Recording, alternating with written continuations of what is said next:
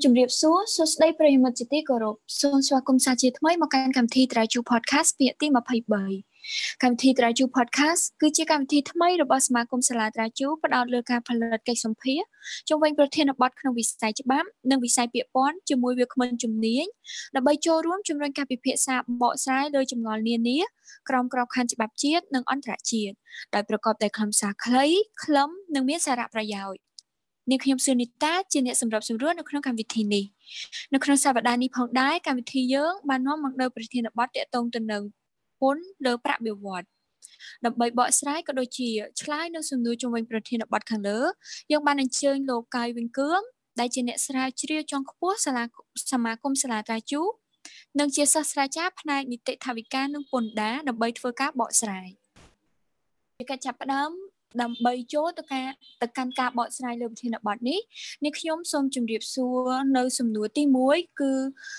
នាងខ្ញុំចង់ដឹងថាតើអ្វីទៅជាពន្ធលើប្រាក់បៀវត្សបាទអរគុណនីតាបើយោងតាមប្រកាសលេខ5 543សហវប្រកចុះថ្ងៃទី8កញ្ញាឆ្នាំ2021របស់ក្រសួងសេរីឯកធុ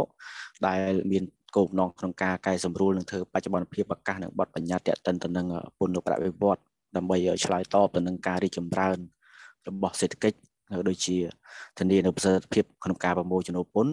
គឺបានផ្ដល់យមន័យពន្ធលើប្រាក់បៀវត្សនឹងគឺជាពន្ធប្រចាំខែដែលកំណត់ទៅលើប្រាក់បៀវត្សដែលរូបវន្តបុគ្គលនឹងបានទទួលក្នុងក្របខ័ណ្ឌនៃការបំពេញសកម្មភាពបម្រើការងារហើយរូបវន្តបុគ្គល ដែលជានិវេសនិវេសនជននៅក្នុងព្រះរាជាណាចក្រកម្ពុជានឹងគាត់ត្រូវជាប់ពន្ធលើប្រាក់បៀវត្សចំពោះប្រាក់បៀវត្សប្រភពកម្ពុជារួមទាំងប្រាក់បៀវត្សប្រភពនៅបរទេសដោយឡែកចំពោះរូបវន្តបុគ្គលដែលគាត់ជាអនិវេសនជនត្រូវជាប់ពន្ធលើប្រាក់បៀវត្សចំពោះតែប្រាក់បៀវត្សប្រភពកម្ពុជាតែប៉ុណ្ណោះហើយជាទូទៅយើងឃើញថាសហគ្រាសដែលជានយោជកត្រូវមានកាតព្វកិច្ចធ្វើការកាត់ទុកពន្ធលើប្រាក់បៀវត្សហ្នឹងមុនបង់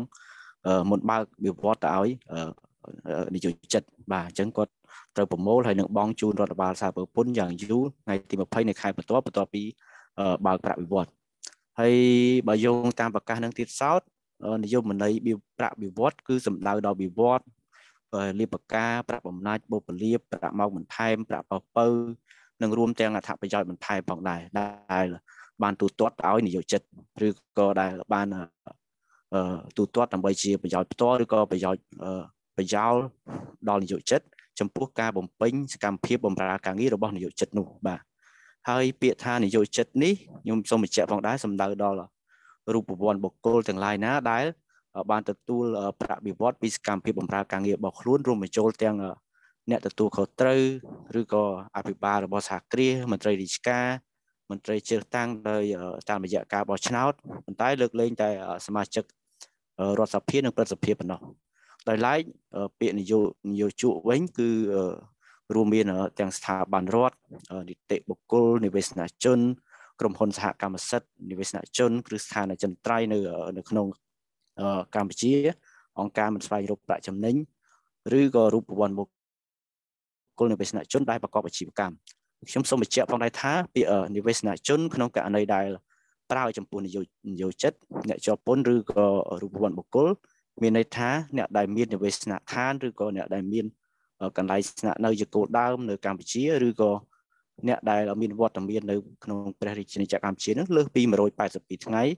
នៅក្នុងរយៈពេល12ខែណាមួយដែលបញ្ចប់នៅក្នុងឆ្នាំជាប់ពន្ធចរន្តហើយពាក្យអនិវេសនជនវិញគឺសំដៅដល់រូបវន្តបុគ្គលណាម្នាក់ដែលមិនមែនជានិវេសនជនដែល គាត់ទទួលបានប្រាក់បៀវត្សប្រភពនៅកម្ពុជាជាបន្តទៅទៀតនេះនាងខ្ញុំសូមចោទសួរជាសំណួរមួយផងដែរថាតើអ្នកណាខ្លះជាអ្នកដែលត្រូវជាប់ពន្ធបាទអរគុណនីតាបើយោងតាមប្រកាសដដែលនោះគឺបានកំណត់ឲ្យថារូបពន្ធបុគ្គលណាម្នាក់ត្រូវបានចាត់ទុកថាជានយោជិតហើយត្រូវជាប់ពន្ធលើប្រាក់វិវត្តបើសិនបើរូបវន្តបុគ្គល និងមានស្ថានភាពបម្រើការងារស្របទៅតាមលក្ខខណ្ឌចំនួន2ក្នុងចំណោមលក្ខខណ្ឌចំនួន4ដែលកំណត់ឲ្យប្រកាសនោះបាទអញ្ចឹងលក្ខខណ្ឌទាំង4នោះមានដូចជាទី1គ្មានហានិភ័យនៃការមិនមិនបានទទួលប្រាក់ទូទាត់ចំពោះសកម្មភាពបម្រើការងាររបស់ខ្លួនឡើយកាលបើរង្វាន់បុគ្គលនោះបានមកធ្វើការទៅតាមទីកន្លែងដែលបានកំណត់ហើយបានបំពេញការងារដោយមានចែងក្នុងកិច្ចព្រមព្រៀងបំរើការងារជាទូទៅមួយទោះធ្វើឡើងដោយផ្ទាល់មាត់ ឬជាលាយលក្ខណ៍អក្សរអញ្ចឹងកិច្ចព្រមព្រៀងនេះតែយើងហៅថាជាកិច្ចសន្យាការងារបាទអញ្ចឹងមិនថាក្រុមហ៊ុនរស់ស៊ីទៅខាតឬចំណេញទេមានន័យថាគាត់អត់មានហានិភ័យទេគាត់នឹងទទួលបានប្រាក់បៀវត្សឲ្យតែដាច់ខែនឹងគាត់បានប្រាក់បៀវត្សហើយនឹងលក្ខខណ្ឌទី1លក្ខខណ្ឌទី2គឺមានន័យថារូបវ័ន្តបុគ្គលมันអាចកំណត់ពេលវេលានិងទីកន្លែងសម្រាប់បំពេញសកម្មភាពបម្រើការងារដោយខ្លួនឯងទេបាទមានន័យថាម៉េចតកែគាត់ឬក៏នយោជកហ្នឹងគឺជាអ្នកកំណត់បាទ លក្ខខណ្ឌទី3គឺរូបវ័ន្តបុគ្គលហ្នឹងពុំចាំបាច់ចំណាយថ្លៃដើមច្រើនទេដើម្បីទិញឧបករណ៍ដែលត្រូវប្រើប្រាស់សម្រាប់បំពេញសកម្មភាពបម្រើការងារដូចយើងទៅធ្វើការគេអញ្ចឹងយើងគេមានកុំព្យូទ័រគេមានអីអស់ហើយអញ្ចឹងយើងអត់ឲ្យតែយើងទៅធ្វើការអត់បាច់មានទិញចំណាយសម្ភារៈហ្នឹងមានថាហ្នឹងចូលលក្ខខណ្ឌតែយើងជានិយោជិតដែរបាទហើយលក្ខខណ្ឌចុងក្រោយលក្ខខណ្ឌទី4ហ្នឹងគឺរូបវ័ន្តបុគ្គល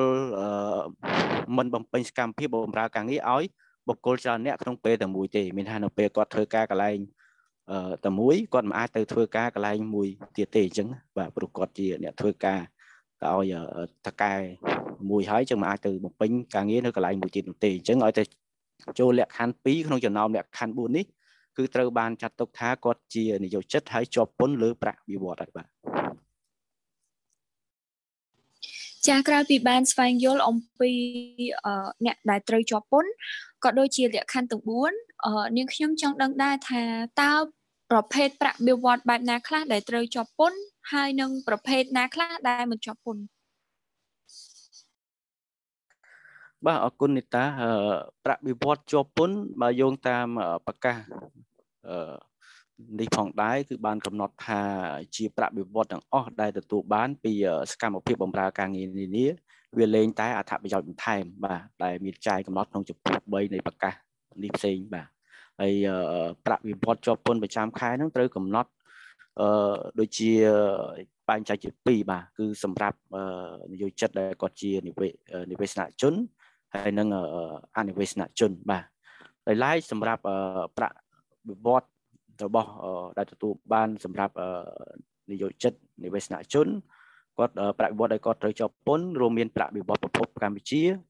ប្រាក់វិវត្តដែលគាត់ទទួលបានប្រភពបរទេសនិងប្រាក់បរិបទានប្រាក់ឲ្យខ្ចីឬប្រាក់រំដោះដែលនយោជិតនឹងបើកឲ្យនយោជកនយោជកបើកឲ្យនយោជិតបាទហើយប្រាក់បរិបទានប្រាក់ឲ្យខ្ចីឬក៏ប្រាក់រំដោះនឹងត្រូវបូកបន្ថែមទៅលើប្រាក់វិវត្តជាប់ពន្ធនៃខែដែលប្រាក់ទាំងនោះបានបើក ហើយត្រូវកាត់បន្ថយពីប្រាក់វិវត្តក្នុងខែដែលនយោជិតនឹងបងបានបងសងវិញបាទដោយឡែកចំពោះប្រាក់វិវត្តដែលជាប់ពន្ធរបស់នយោជិតអនិវេសនជន គឺប្រាក់វិវត្តដែលជាប់ពន្ធនឹងគឺមានតែប្រាក់វិវត្តប្រភពកម្ពុជាប៉ុណ្ណោះបាទហើយពាក្យវិវត្តប្រភពកម្ពុជាគឺសំដៅដល់វិវត្តណាដែលទទួលបានក្នុងក្របខ័ណ្ឌនៃការបំពេញសកម្មភាពបម្រើការងារនៅក្នុងប្រទេសកម្ពុជា ហើយដោយឡែកចំពោះប្រាក់វិវត្តប្រភពបរទេសសំដៅដល់ប្រាក់វិវត្តដែលបានទទួលក្នុងក្របខ័ណ្ឌនៃការបំពេញសកម្មភាពបម្រើការងារនៅក្រៅកម្ពុជាបាទចាចំណែកចំពោះការលើកលែងពន្ធវិញ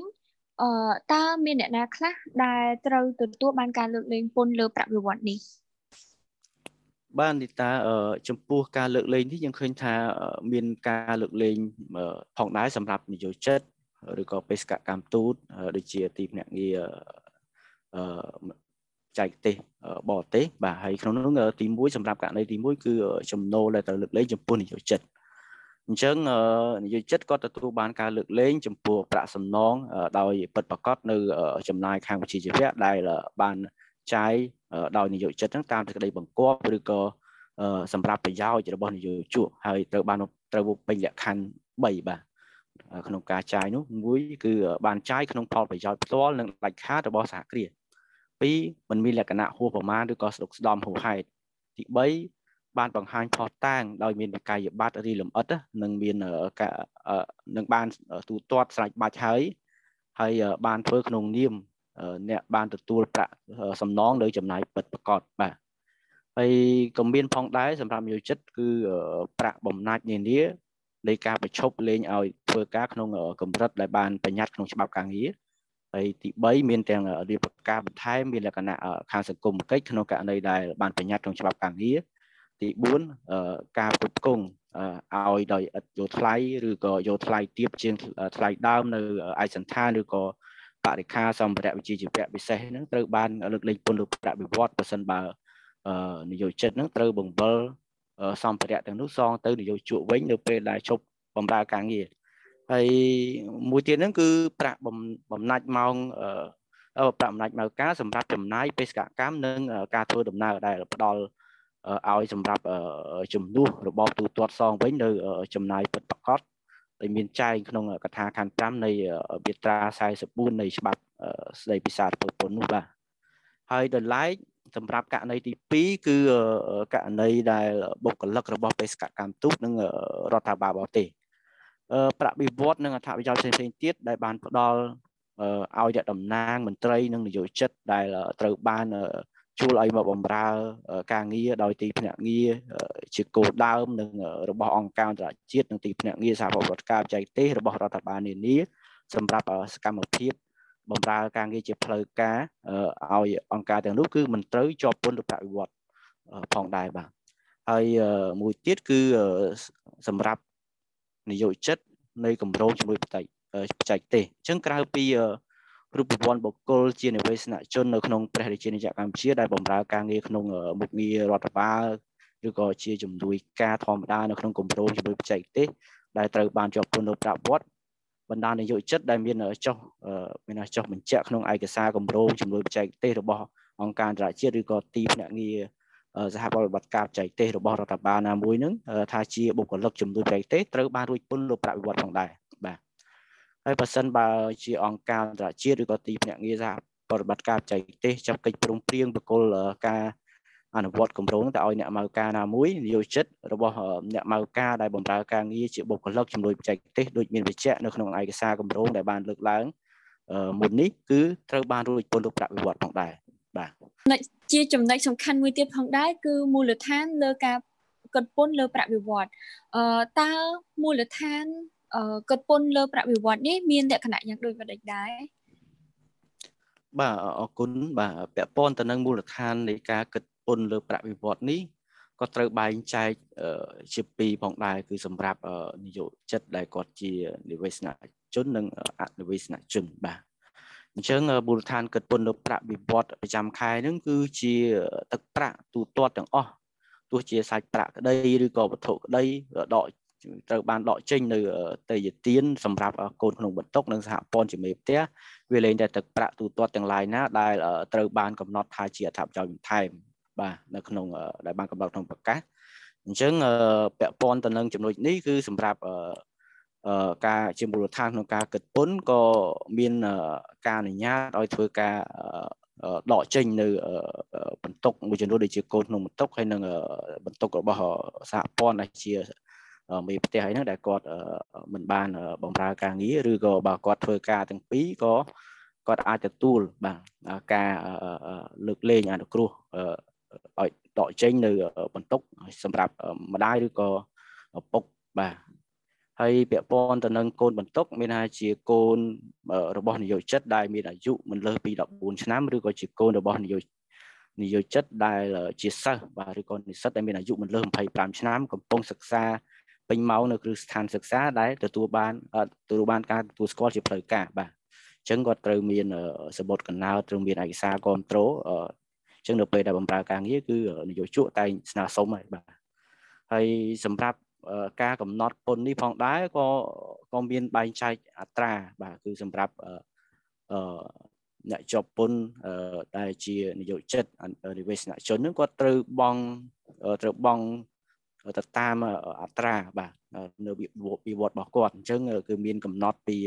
1លាន1លាន3សែនទៅបាទគឺពី0ទៅ1លាន3សែនគឺ0ហើយ0%មានថាអត់ជាប់ពន្ធទេ បាទហើយពី1លាន3សែនទៅ2លានគឺ5%អញ្ចឹងទៅហើយ2លានទៅ8លានជាងហ្នឹងគឺ10%ហើយ8លានជាងទៅ12លានគឺ15%ហើយលើសពី12 លានជាងហ្នឹងគឺ20%ហើយដល់ឡាយសម្រាប់នយោជិតអនិវេសនជនវិញគឺពន្ធប្រាក់វិវត្តហ្នឹងត្រូវបានកាត់ទុកតាមអត្រាមួយគឺ20%នៃទឹកប្រាក់ដែលត្រូវបានបើកឲ្យមុនការទូទាត់ហើយប្រាក់ពន្ធកាត់ទុកនឹងគឺជាពន្ធចុងក្រោយនៃប្រាក់បៀវត្សសម្រាប់អានិវេសនជនដែលជាអ្នកទទួលប្រាក់បៀវត្សបាទ ហើយចំពោះអត្ថប្រយោជន៍បន្ថែម ជារៀងរាល់ខែហ្នឹងសហគ្រាសក្រុមហ៊ុនហ្នឹងក៏ត្រូវកាត់ទុកនឹងបង់ពន្ធនៅអត្រា20%ផងដែរនៃតម្លៃសរុបរបស់អត្ថប្រយោជន៍បន្ថែមដែលបានផ្ដល់ឲ្យនិយោជិតទាំងអស់បាទអញ្ចឹងតម្លៃអត្ថប្រយោជន៍បន្ថែមហ្នឹងគឺគឺជាតម្លៃទីផ្សារហើយរួមទាំងពន្ធអកទាំងអស់បាទជាសំណួរចុងក្រោយតើការបងពន្ធនេះធ្វើឡើងដោយរបៀបណានិងនៅពេលណា បាទនីតាការបងពុនលើប្រាក់វិវត្តនិងបងពុនលើអត្ថប្រយោជន៍ដែលបានកាត់ទុកនឹងត្រូវដាក់លិខិតប្រកាសពុននិងបងប្រាក់ពុនដែលបានកាត់ទុកដោយនយោជកគឺតកែនឹងជូនរដ្ឋបាលសារពើពុនទៅតាមតម្រងដែលរដ្ឋបាលសារពើពុនកំណត់នឹងយ៉ាងយូរត្រឹមថ្ងៃទី20នៃខែបន្ទាប់ដែលត្រូវបានកាត់ទុកមានន័យថាចំណូលដែល វិវត្តដែលគាត់បានកាត់ទុកក្នុងខែឧទាហរណ៍ខែឧសភានេះអញ្ចឹងគាត់ត្រូវបង់អាយុថ្ងៃ20ខែមិថុនាគឺខែបន្ទាប់បាទអញ្ចឹងលិខិតប្រកាស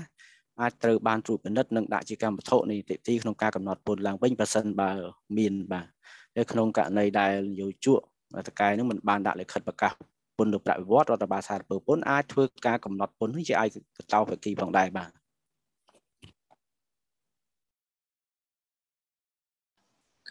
សូមអរគុណលោកកៃវិនគឿមដែលបានចំណាយពេលវេលាចូលរួមជាវាគ្មិនក្នុងកម្មវិធីត្រាជូ Podcast សម្រាប់ប្រធានបទស្ដីអំពីពន្ធលើប្រាក់បៀវត្សជាទីបញ្ចប់នេះនាងខ្ញុំសូមអរគុណប្រិយមិត្តចាស់ថ្មីដែលបានបន្តនឹងគ្រប់គ្រងនៅកម្មវិធីត្រាជូ Podcast